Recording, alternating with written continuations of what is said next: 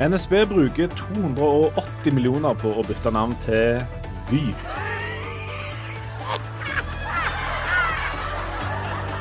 Og vi lo! Og vi lo! Og så er det ikke så lenge til det er lokalvalg, så derfor begynner avisene å måle all slags tall på hvem er det som er populære, hvem er det som er upopulære. Uh, og det er et ganske enkelt valg, men uh, i Storbritannia er det verre. Britene vil nemlig ut av EU. Eller nei. Eller jo. Ja. Eller nei. Uansett, velkommen til Aftenbladblad, som jo altså er en podkast fra Stavanger Aftenblad, som du bør abonnere på og rate, spesielt hvis du liker den. Hvis du ikke liker den, kan du egentlig Ja, da kan du holde på noe annet. Men greit. Eh, Leif Tore Linde, eh, vi bor i eh, Sandnes og Stavanger-området, holdt på å si, og nå stunder det snart mot valg, og det er landsmøtesesong, og det er sånn oppladning til sånn politikkgreie. Syns du det Er du interessert i dette? Ja. Hvorfor da? Jo, jeg er, jeg er jo interessert i politikk, og jeg syns eh, Jeg er en av de som kanskje syns det er nesten enda mer interessant på litt sånn lokalt nivå enn på nasjonalt nivå. Um, men det som, det som jeg har tenkt på med valget i det siste, det er at jeg føler at eh, disse valgkampene, som jo skal handle om hva mener det partiet, og hva mener det partiet, hva er forskjellen og sånt, de handler jo stort sett bare om meningsmålinger. Eh, Det går litt opp og det går litt ned, og så skal de kommentere om det går opp eller ned. Og så kommer det eh, en fra TV 2, og så kommer det en fra NRK, og så kommer det en fra Aftenbladet, og så kommer det en fra VG. Og Det er bare et renn av meningsmålinger. Og der hiver jo Aftenbladet seg på. Vi, akkurat, vi, vi driver og måler nå for tida. Vi har hatt de første målingene, som vel var overraskende i den forstand at i Stavanger og Sandnes så var det egentlig forbløffende stabilt mye. Altså i, i, I Stavanger så gjør Høyre det veldig godt, får en tredjedel av stemmene, mens det en skulle trodd kanskje var at sånne bompengemotstandere og sånn som det har vært himla mye bråk om da i det siste, at det ville vist mer igjen på, på meningsmålingene. Men syns du det er meningsfullt eller meningsløst med meningsmålinger? Åh, Flott formulering. Jeg syns det er eh, litt opplysende av og til. Og så lurer jeg på om, om både jeg og andre blir Altså om vi blir like påvirka av disse meningsmålingene som blir av den faktiske politikken. Ja, på hvilken måte da? Altså, Nei, at du, du heier på den hesten som leder, Ja, eller at du på en måte syns litt synd på de hestene som ligger veldig langt bak. Eh, og at du kan, eh, i motsetning til på et hestevedløp, så kan du stemme taktisk på etter noen hester som ligger hvor. Ja.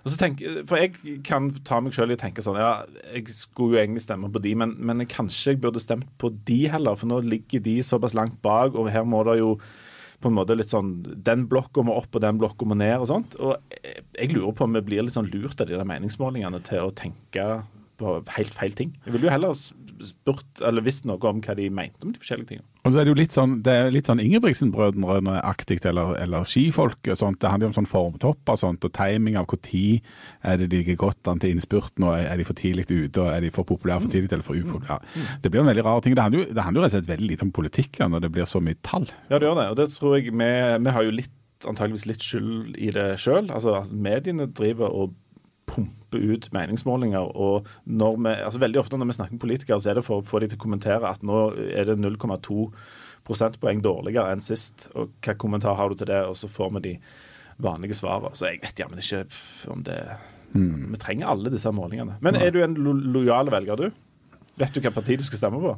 Eh, ja, altså, men med det forbeholdet at jeg også sitter liksom og lurer litt på. Så lurer jeg lurer litt på ja, om, jeg, om jeg bør skifte. Det lurer jeg på hver gang.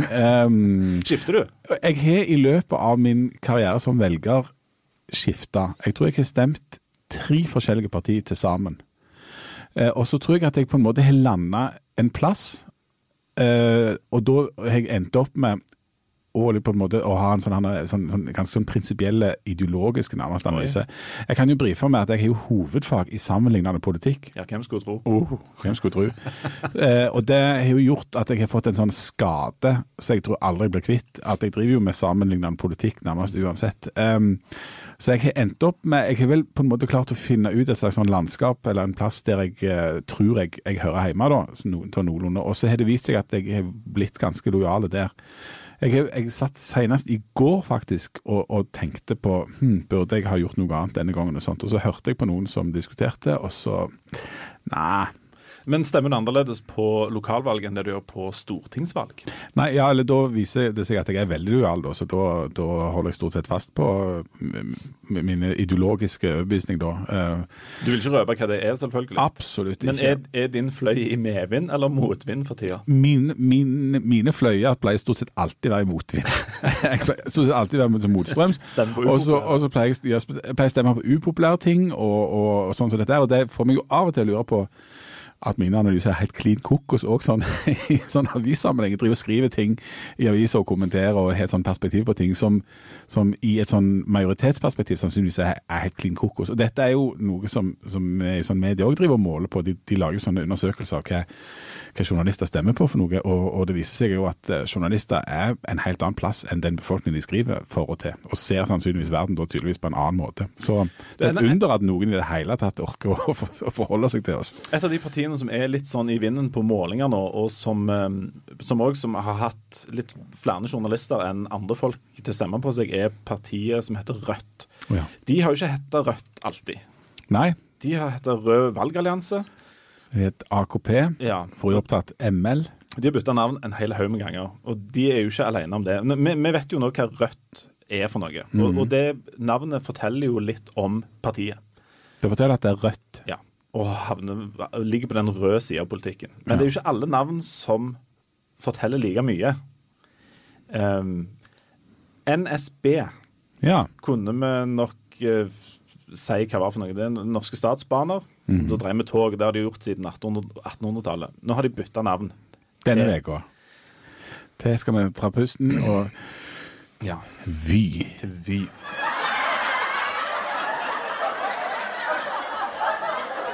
Um, vi, har, vi har med oss eh, Vi har måttet forsterke laget litt her med uh, Tor Anders Voldsund, som er markedssjef i Stavanger Aftenblad. Velkommen.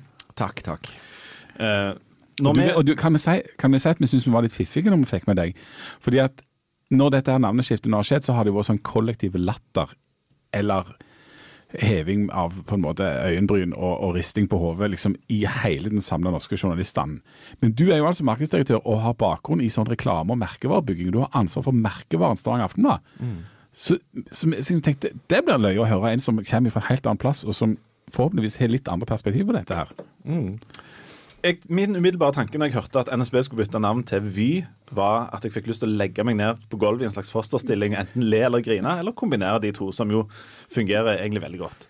Um, hadde du den samme reaksjonen?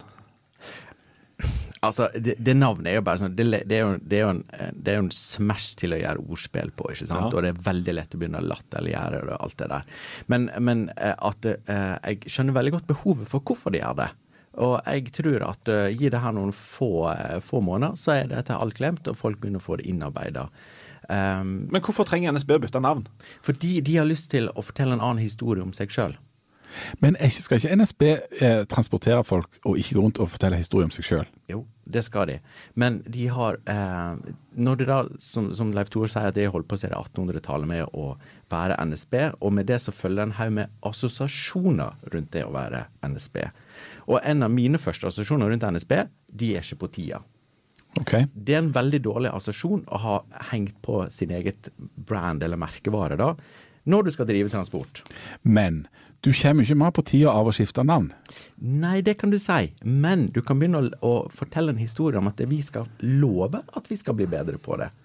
Og så er det en sånn eh, eh, en del fiffige mekanismer òg rundt det at det er, nå skal ikke vi bare kjøre tog, vi kjører buss, og det holder på med en lang stund, og vi har kanskje internasjonale ambisjoner òg.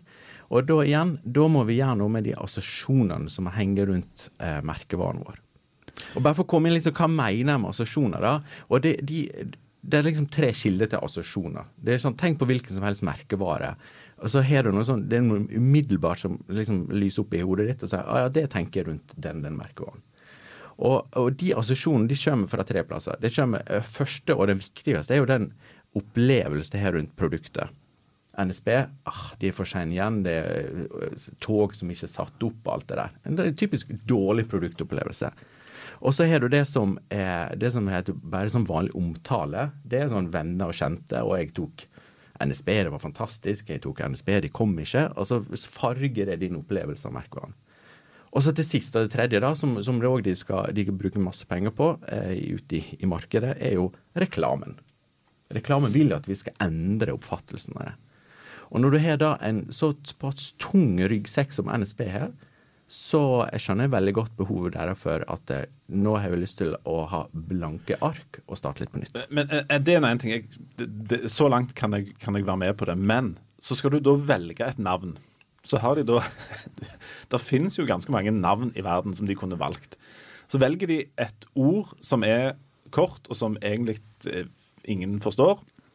Dette er jo et, et norsk ord, altså vyer. Og det skal de ha eh, pluss i boka for, da. Ja. Men de har jo bare valgt halvparten av det, den, den, versjonen vi bruker. Og ja. så tenker jeg at vyer det forteller absolutt ingenting om hva dette selskapet holder på med. Det forteller ja, for, null. Ja, for Er det ikke lur merkevarebygging å ha et merkevarenavn som gjør at du assosierer noe som har noe med det de holder på med å gjøre? Jo, men det er der det begynner å bli litt vanskelig. Jeg, jeg sjekket på Patentstyret nå. Det er altså 300 000 norskregistrerte merkevarenavn. Det er ganske sånn, begynner å bli ganske sånn opptatt mange av de ordene er tatt.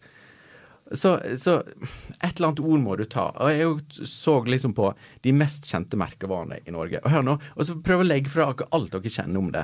Altså Vi har altså Finn, vi har Kiwi og Tine. Det er de tre mest kjente? Det er de mest tre kjente, og det er mest liksom, beste omdømme i Norge. Hvis du ikke visste hvem, hvem Finn er, det en mann? Kiwi er en frukt? Tine, ja, hva, hva gjør hun på da? Så det er liksom det, det er alt det der assosiasjonene vi putter inn, og de opplevelsene er rundt merkevaren som skaper da et kjennskap og liksom, en positiv eller negativ liking. Så et eller annet må de lande på. Det, det er søren meg ikke lett altså, å plukke et merkevarenavn. Om det finnes eksempel både på at det har vært vellykka og mislykka i den forstand at du skifter navn, og så liksom, får du gjort noe annet. Altså, du kan sikkert si det sånn, ja, de skifta navn til det, og nå går det kjempebra. Men finnes det òg eksempel på det motsatte, at en har skifta navn, og så har det ikke gått bra? Eller går det alltid uansett bra å gå over og sånn? Nei, det er jo klart selvfølgelig. Det er, en kjemperisiko å, å, skifte navn og innarbeide kjennskap til, eh, til, det som leverandør av et eller annet. Det er det. Um, det er jo nærliggende å tenke på uh, altså Jeg har lyst til å trekke en liten parallell til, til hva Statoil har gjort. Mm. Uh, Equinor. Equinor, ja. Equinor. Ikke sant? Nå begynner det å sitte. Nå begynner dere òg å huske det navnet. Men det er jo kjemperisiko for det, uh, å, å, skifte et så innarbeidet merkevarenavn. Men igjen, da de hadde behov for å fjerne seg fra en del assosiasjoner rundt olje og alt det der. Så da lager vi på noe nytt, et tullenavn som ikke betyr noe, men som da vi som organisasjon må begynne å fylle med mening. Men Equinor, altså det, som du sier, de har behov for å fjerne seg fra to ting. Stat og olje. Mm.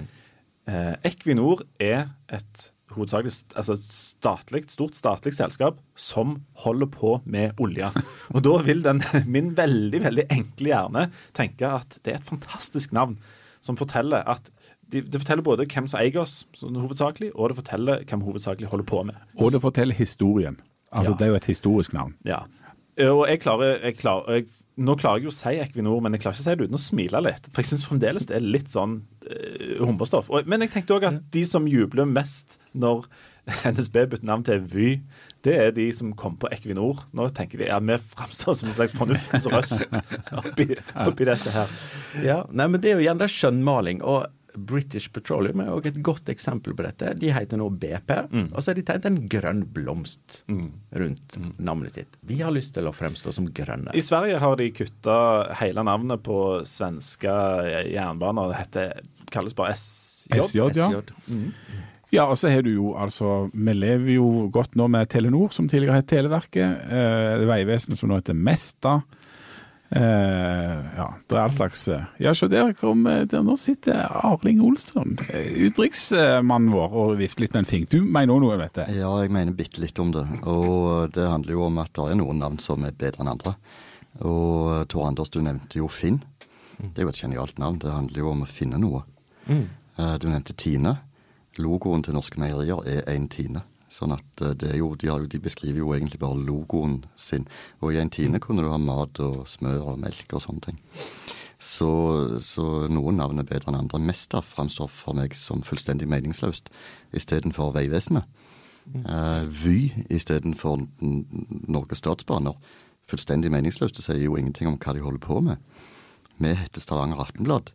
Vi er i hvert fall et blad som kommer ut i Stavanger. Nå kommer vi jo ut hele tida. Men, eh, men, det sier litt om hva vi holder på med. Og jeg syns at sånne beskrivende navn uh, gir meg assosiasjoner umiddelbart til hva de holder på med. Equinor sier meg f.eks. ingenting. Posten bytta navn, og de ble delt opp i uh, Bring. For så vidt ikke så gale, tenker jeg. Mm. Og det er litt sånn Post Nord. Ja.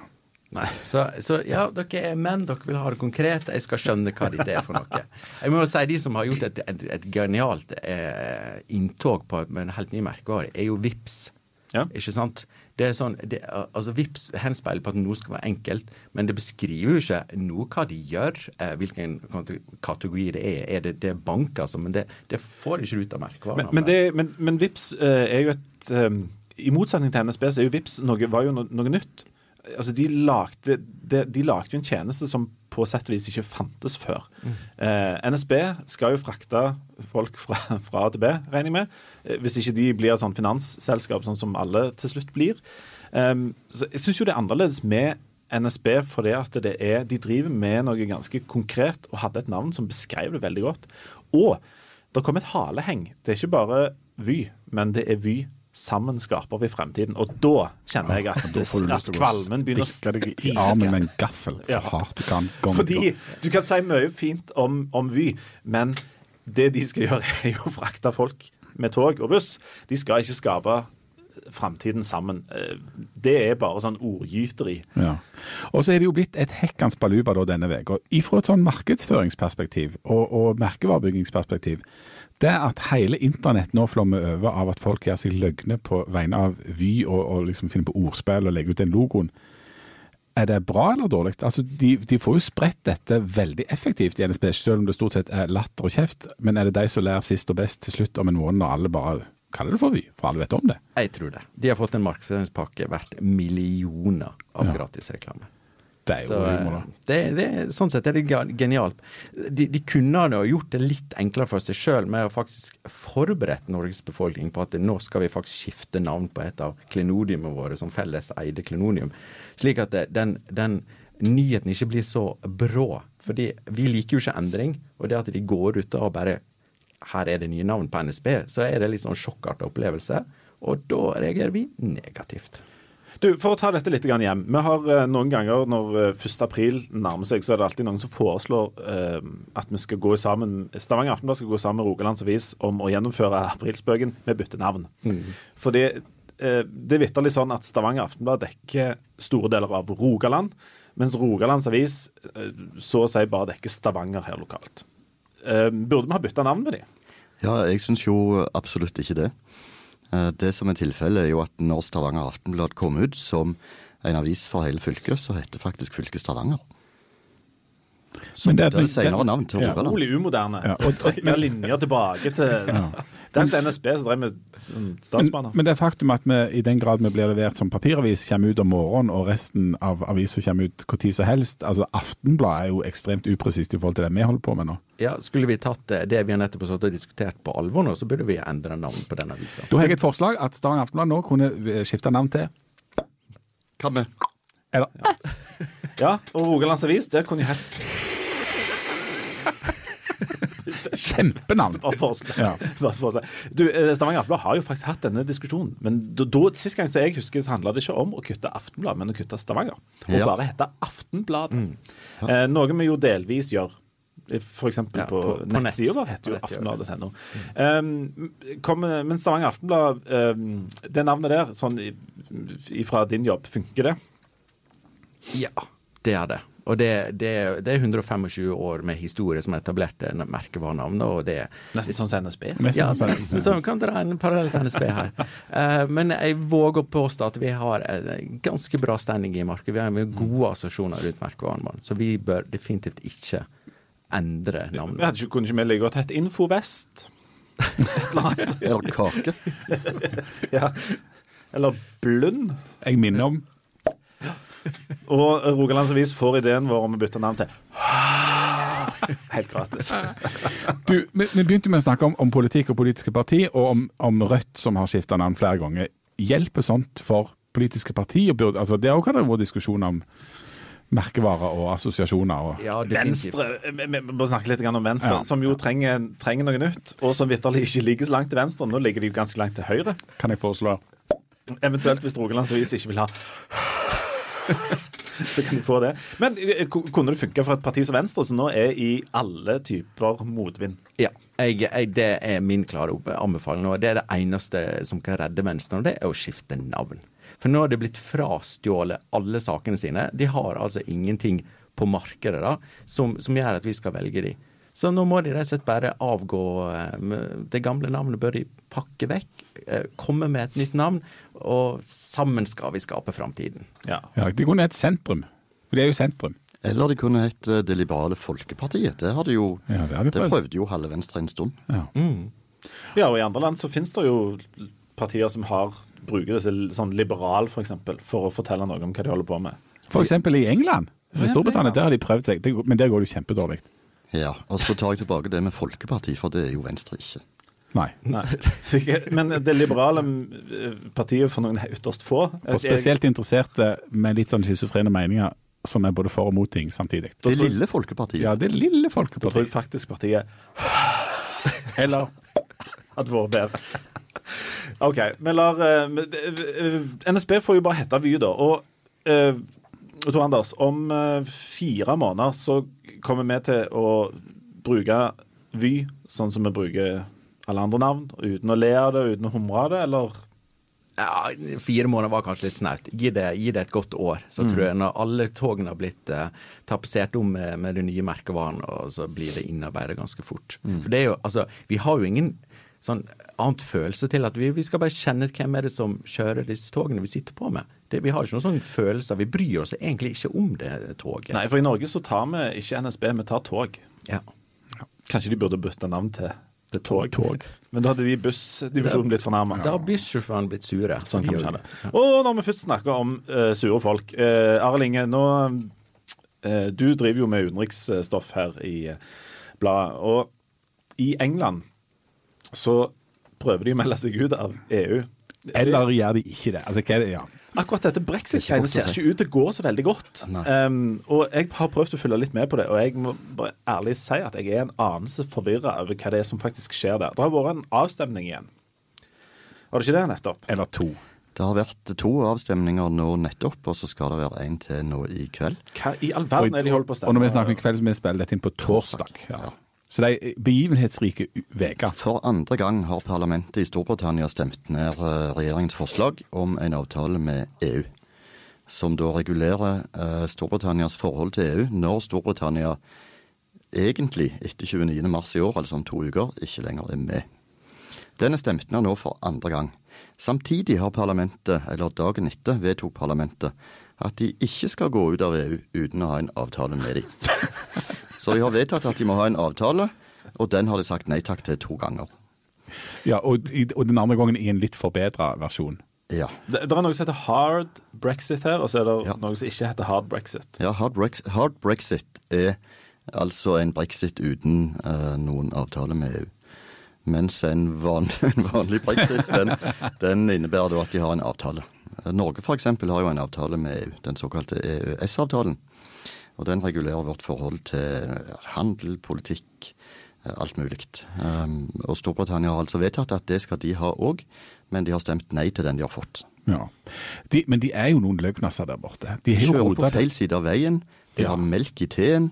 Ja, I det hele tatt. ja, det er, altså, men når de skal måle meter, så måler de et eller annet Yards. sånn yards og, Ja. og noe sånt, og det er pound. Vi snakker gjerne om at amerikanerne er eh, eksepsjonalistiske. ikke sant? Altså, De skal liksom se på seg sjøl som noe veldig spesielt. Og, og britene er òg litt sånn her i Europa. Ikke De bare litt, vil jeg si. Ja, sant? For de er på en måte, de ligger jo da i Europa, men de nekter på en måte å være en del av Europa. sant? Ja, Samtidig er det jo òg sånn at hvis vi holder litt på det med USA, så hadde vi jo gått rundt i svarte uniformer og snakket tysk alle sammen. Hvis det ikke var for disse løgnassene på disse kålholmene der ute. Ja, ja, for, det, Så- for, ja for, det, for det er noe fascinerende med det òg, men de er jo sære. og De er sære og, og løgne, men, men de er viktige for oss. Ja. Og så har de vel et sjølbilde som er litt preget av at de var så kolossalt store på et eller annet tidspunkt. Altså at de er sånn imperiestormakt, så de ser på seg selv som at de eier hele verden. Eh, Ja, de tror litt det ennå. At det er, det er EU som skal være så heldige å få en avtale med de. ja. Eh, Men det er jo da ikke virkeligheten. Er det, er det sånn at vi kan risikere at uh, det blir et slags sånn europeisk kaos, med mindre hvis de ikke Nei. får til en avtale? Nei, det tror jeg ikke. Jeg tror vi kan risikere at det blir et britisk kaos, og det er det jo på en måte allerede. Det er nesten så du kan lure på om du skal begynne å bøye kaos. Kaos, kaosere, kaosist. Og nå tror jeg vi er på kaosere. ja. Vi er ikke på kaosest ennå. Men, men eh, hvis de nå torsdag eh, ettermiddag da eh, vedtar å be EU om en utsettelse, la oss anta at de gjør det, så tror jeg at EU kommer til å gi dem en utsettelse til EU-parlamentsvalget i slutten av mai. Og si at ålreit, right, men husk nå på at det ikke er noen britiske seter i det nye parlamentet i Brussel. Mm. Så eh, der er de jo da ute. Og Da har de sjanse til å få en avtale på plass innen den tid. Jeg no. tror ikke at det kommer et nytt, eh, et nytt brexit-valg i Storbritannia med det første. Det tror jeg eh, ingen av de tør. Da tror jeg heller det kommer et nyvalg. Ja.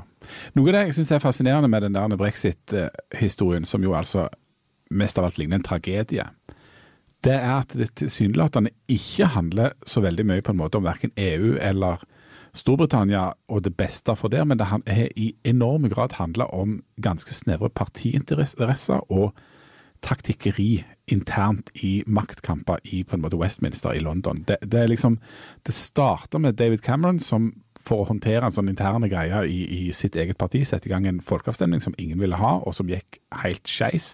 Og det har fortsatt helt fram til nå. Det er på en måte Jeremy Corbyn som driver med sånn taktikkeri i sitt parti, og noen sånne hardlinere på den konservative sida. Altså, det, er- det er sånn interne maktkamp. Det er ikke liksom landet eller La oss kaste blikket over Atlanteren igjen til USA. Du ser litt det samme i USA akkurat nå. At uh, det, det er en kamp mellom disse partiene og partiinteressene som lammer tidvis hele samfunnet. Eller deler av det. Uh, Så det er egentlig en svakhet ved dette topartisystemet som vi har i f.eks. USA og Storbritannia. Når de da går helt i lås, så er det vanskelig å finne løsninger. Men dette er jo det motsatte av det politikere skal gjøre. Du skulle jo trodd at politikerne tenkte på landets beste, men nå tenker de veldig mye på seg selv og sitt eget partis beste, kan det virke som. Det kan virke sånn. Ja, og så tror jeg vi må spille inn eh, faktisk funksjonen til sosiale medier rundt eh, disse valgtidene som var tilbake i 2016.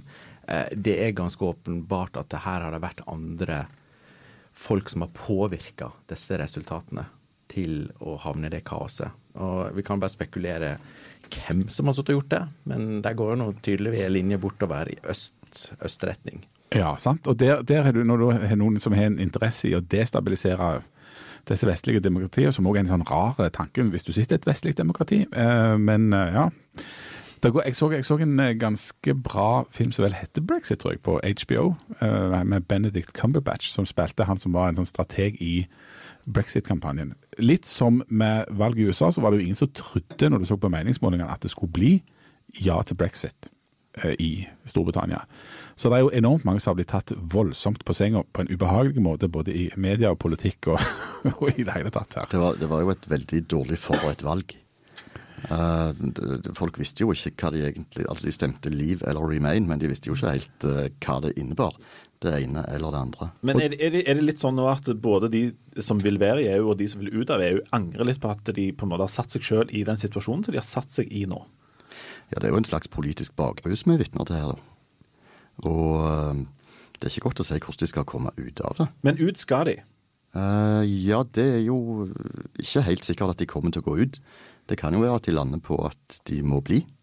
Dette høres ut som en del ekteskap som jeg um, kjenner til. Nei. Ikke, ikke i, jeg har- jeg har bare vært i ett. Jo, men- og det er nokså stødig. Det er litt mer sånn Nå, som uh, nå sier meningsmålingene uh, ganske tydelig, som de for så vidt gjorde før valget i 2016 òg, da, at et flertall av velgerne ønsker å bli i EU. Men de stemte jo for å gå ut. De stemte for å gå ut, men det kan jo like gjerne ha vært et slags protestvalg mot David Cameron sin regjering, som ikke hang veldig høyt hos de fleste. Så det er kanskje òg et eksempel på at disse folkeavstemningene eh, er mer, bidrar mer til å undergrave demokratiet enn til å utvikle det. For vi har jo tross alt representative demokratier, sant? Altså vi stemmer på folk som skal ta politiske avgjørelser for oss. Hvorfor skal vi da drive og ha folkeavstemninger i tillegg? sånne type folkeavstemninger eh, sier òg ofte ganske mye om hvor populære politikerne på den ene og den andre sida er, ikke nødvendigvis så mye om saken. Det har jo vært snakk om folkeavstemning faktisk nå i Sandnes, altså på Ja. Morten Borgli fra Frp. er jo eh, tatt til orde for at det skal være folkeavstemning om bymiljøpakke og om bompengegreier. Eh, her sitter jeg med mitt eh, hovedfag i sammenligning med politikk, jeg vet ikke om du nevnte det. Jo, du nevnte det. Men noe av, det, ja, noe av det vi lærte der, er at, eh, eh, folkeavstemninger er et veldig dårlig egnet middel for det aller meste. For det at de aller fleste folkeavstemninger vil eh, stemme for det som på en måte er mest sånn egentlig populistisk populært. Eh, vil du ha lavere skatter og mer penger sjøl? Ja, det vil jeg. Vil du ha bedre veier og bedre sykehus og bedre skole? Ja, jeg vil ha det òg. Ja, OK, hvordan skal du finansiere det? Altså, Det med å drive med politikk, det handler om å kombinere upopulære og populære ting. Det handler om å prioritere. Så noen vil bli glad, og noen vil bli sure. Og i bunn og grunn så må vi jo En av de tingene som jeg faktisk har tenkt på når vi er tilbake til valget igjen, er at eh, jeg har lyst å stemme på noen politikere som jeg vet har lyst til å gjøre noe enormt upopulært. Til og med ting som jeg sjøl tenker jeg er ikke så sikker på det, men de som har det i seg, å kunne gjøre Ta upopulære beslutninger, sette opp uh, bomringer, eller ta, uh, ta litt fra min lommebok og gi til noen andre. Det er jo sånne folk, i hvert fall i teorien. Ja, altså Politikk burde jo handle om på en måte helhet på en eller annen måte. Og Det får du ikke til når du arrangerer en sånn plutselig folkeavstemning om noe ingen vet hva er. og Det viser jo det som skjer i, i England for tida veldig godt. Og når du i tillegg har sånn interne partikamper og fraksjonering og, og drit og lort både i USA og i, England, så blir det bråk og styr. Og hvis det skulle gå dårlig med politikerne, så minner vi bare om at det er en del navn som er ledige, annet. Og med mindre Rogalandsvis tar det Så kan dere bare bytte navn, og så kan dere gjøre et nytt forsøk om to eller fire år. Vi er ferdige. Vi, vi vurderer jo selvfølgelig å bytte navn òg på denne podkasten. Jeg vet jeg lover at vi er tilbake som Aftenbladet neste uke. Jeg, jeg har vurdert om vi skulle gått over til Aftenbladet og så legge på en sånn 'Sammen skaper vi framtiden' felles OK. Som det ene eller det andre er vi nå tilbake. om ei uke. Takk for i dag. Ha det godt.